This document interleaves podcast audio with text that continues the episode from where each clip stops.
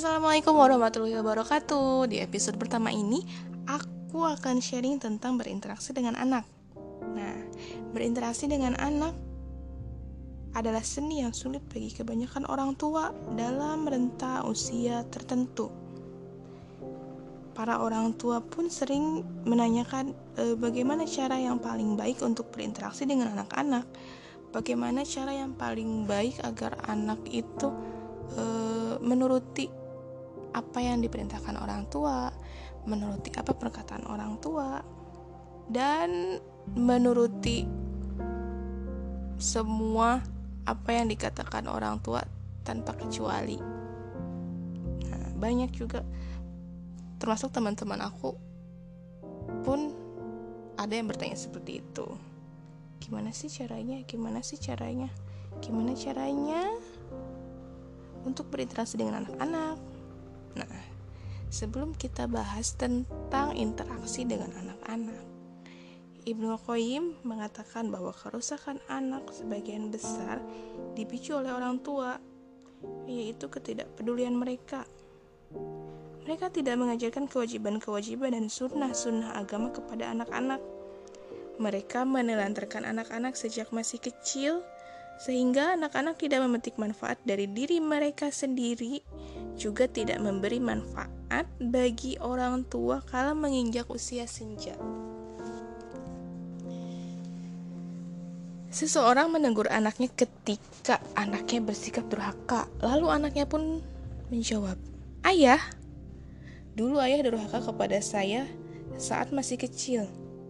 Saya pun durhaka kepada ayah setelah ayah berusia senja.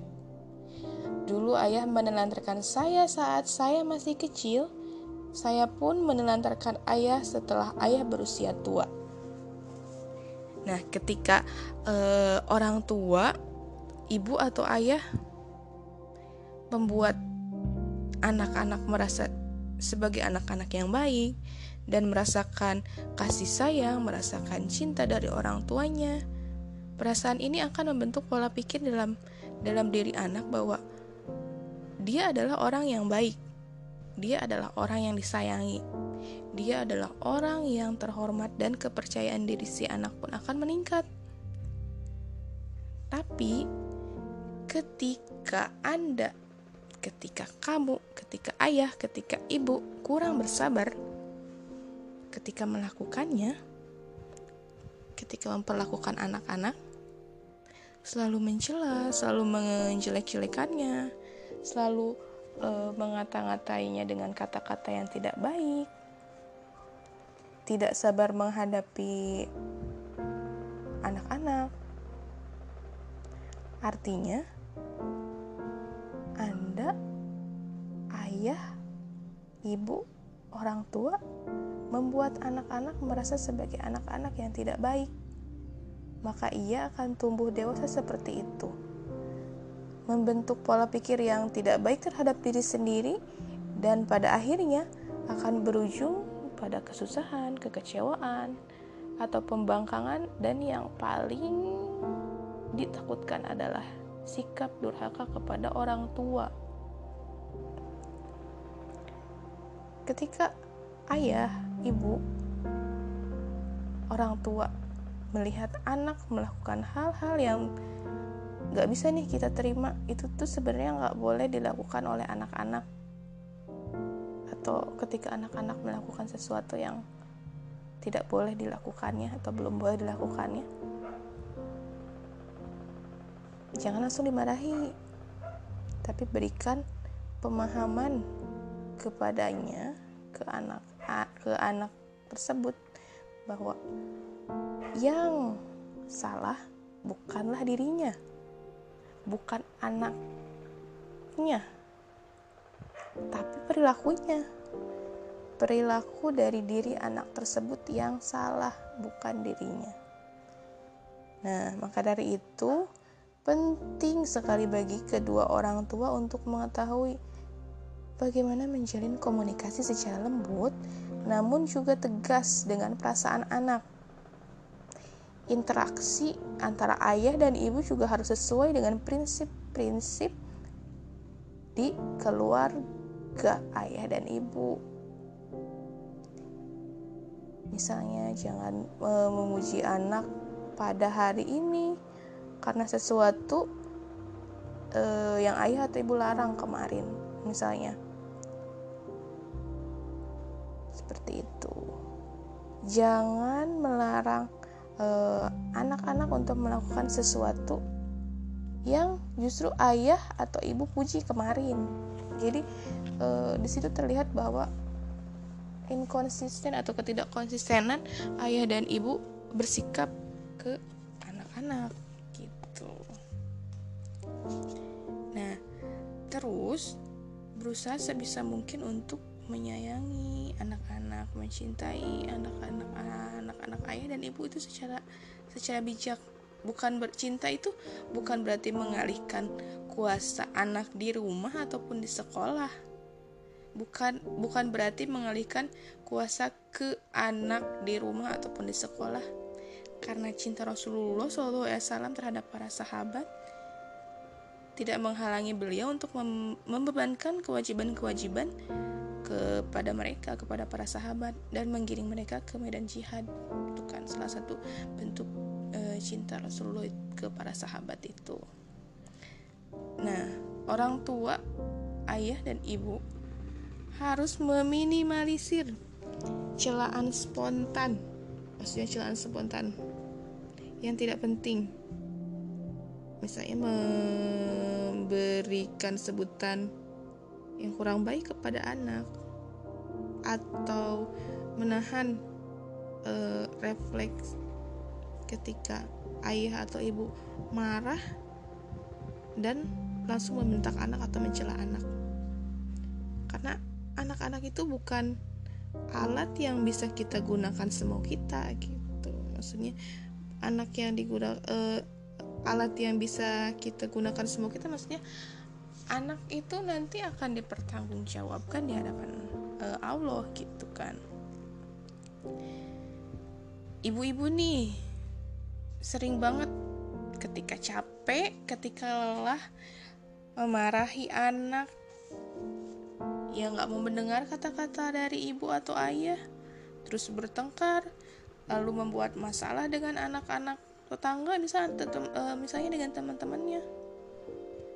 Nah Ketika kesabaran ibu habis, ibu marah terus mengancam anak-anak sambil berkata, misalnya nih, tunggu ya sampai ayah kamu pulang, nanti kalian dihukum. Seperti itu misalnya.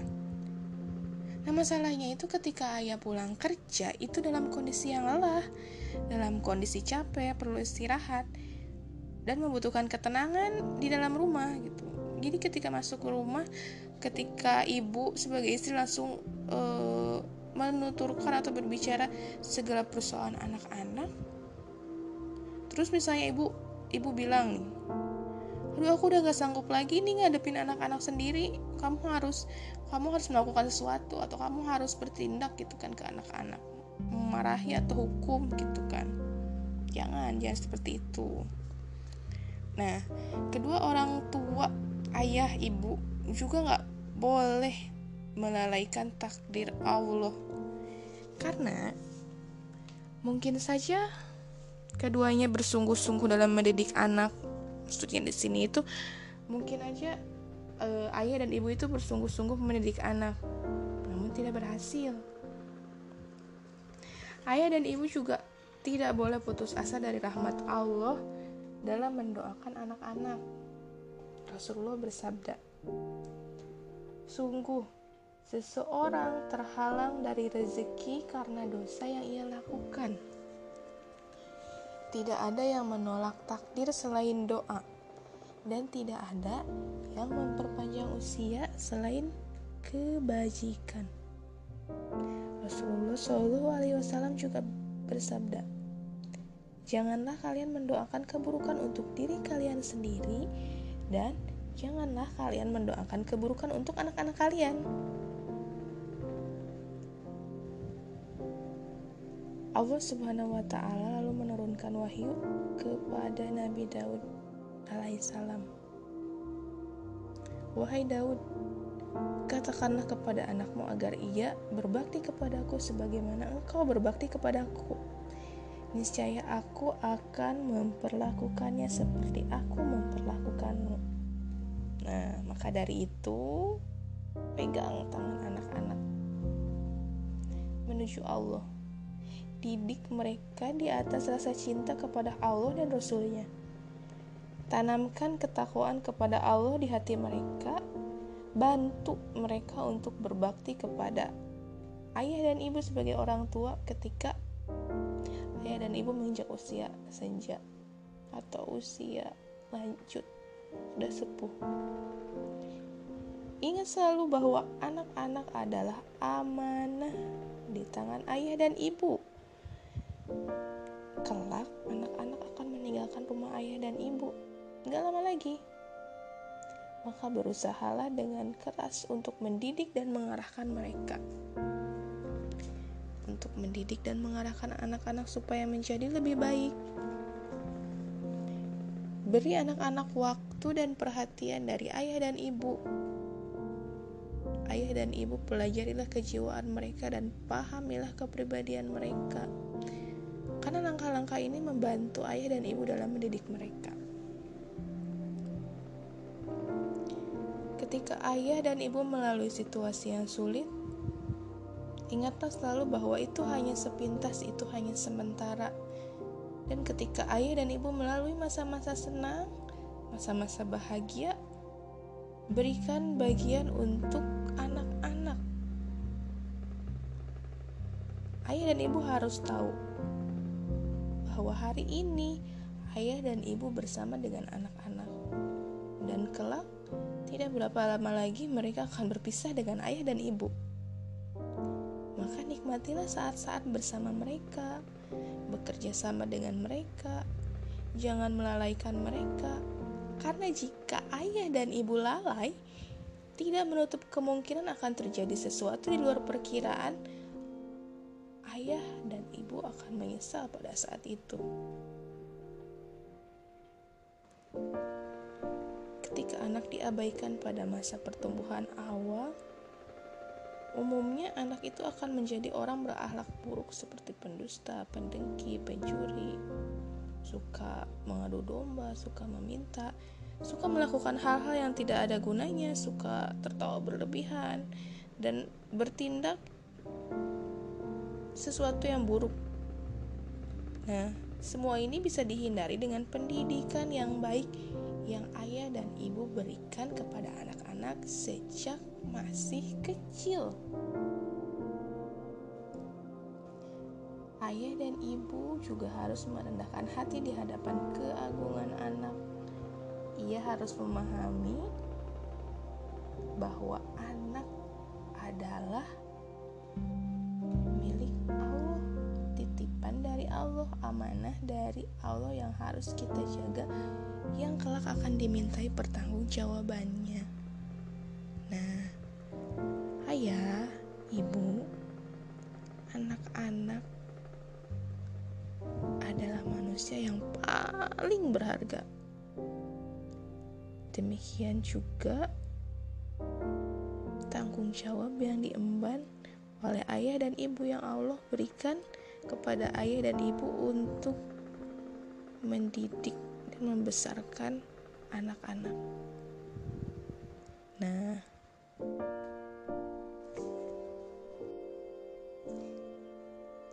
Tapi bukan berarti setiap orang tua bisa berhasil menerapkan pesan-pesan dan segala pengarahan ke anak. Karena e, mungkin sebagian dari kita itu punya kesabaran dan keluasan yang bisa membantu untuk menjadi ayah atau ibu teladan kita semua harus berusaha menuju ke arah yang lebih baik lagi. Terus berusaha untuk mengembangkan diri dan memperbaiki perilaku kita sebagai orang tua. Sehingga perilaku anak itu menjadi lurus dan e, baik dan kondisi mereka juga semakin membaik di bawah pengasuhan e, ayah dan ibu.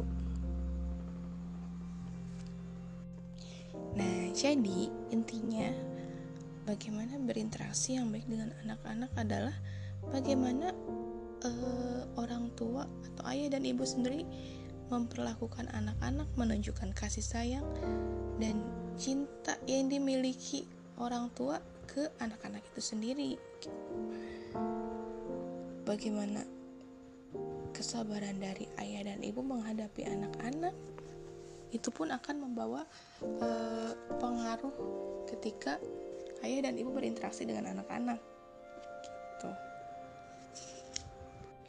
Jadi sebetulnya berinteraksi dengan anak-anak itu bukan hal yang sulit kalau kita sebagai orang tua mau belajar untuk terus mendidik dan mengerahkan anak-anak supaya menjadi anak-anak yang lebih baik lagi dari waktu ke waktu. Karena seiring berjalannya waktu dengan menunjukkan sikap kita menyayangi mereka, anak-anak pun akan merasakan bahwa mereka disayangi, bahwa mereka dicintai, bahwa orang tuanya bahwa orang tuanya itu menjaga uh, mereka dengan sepenuh hati, maka insya Allah akan lebih baik lagi uh, interaksi antara ayah,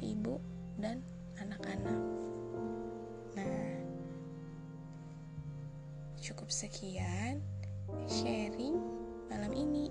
Insya Allah nanti kita akan lanjutkan lagi di episode berikutnya. Segala puji dan karunia hanya untuk Allah. Semoga Allah membantu para orang tua dalam mendidik anak-anak memberikan arahan kepada anak-anak untuk menuju perilaku dan interaksi yang lebih baik lagi. Semoga Allah memudahkan jalan bagi kita untuk mendidik dan menjaga amanahnya dengan sebaik-baiknya. Ketemu lagi di episode berikutnya. Terima kasih sudah mau mendengarkan. Assalamualaikum warahmatullahi wabarakatuh.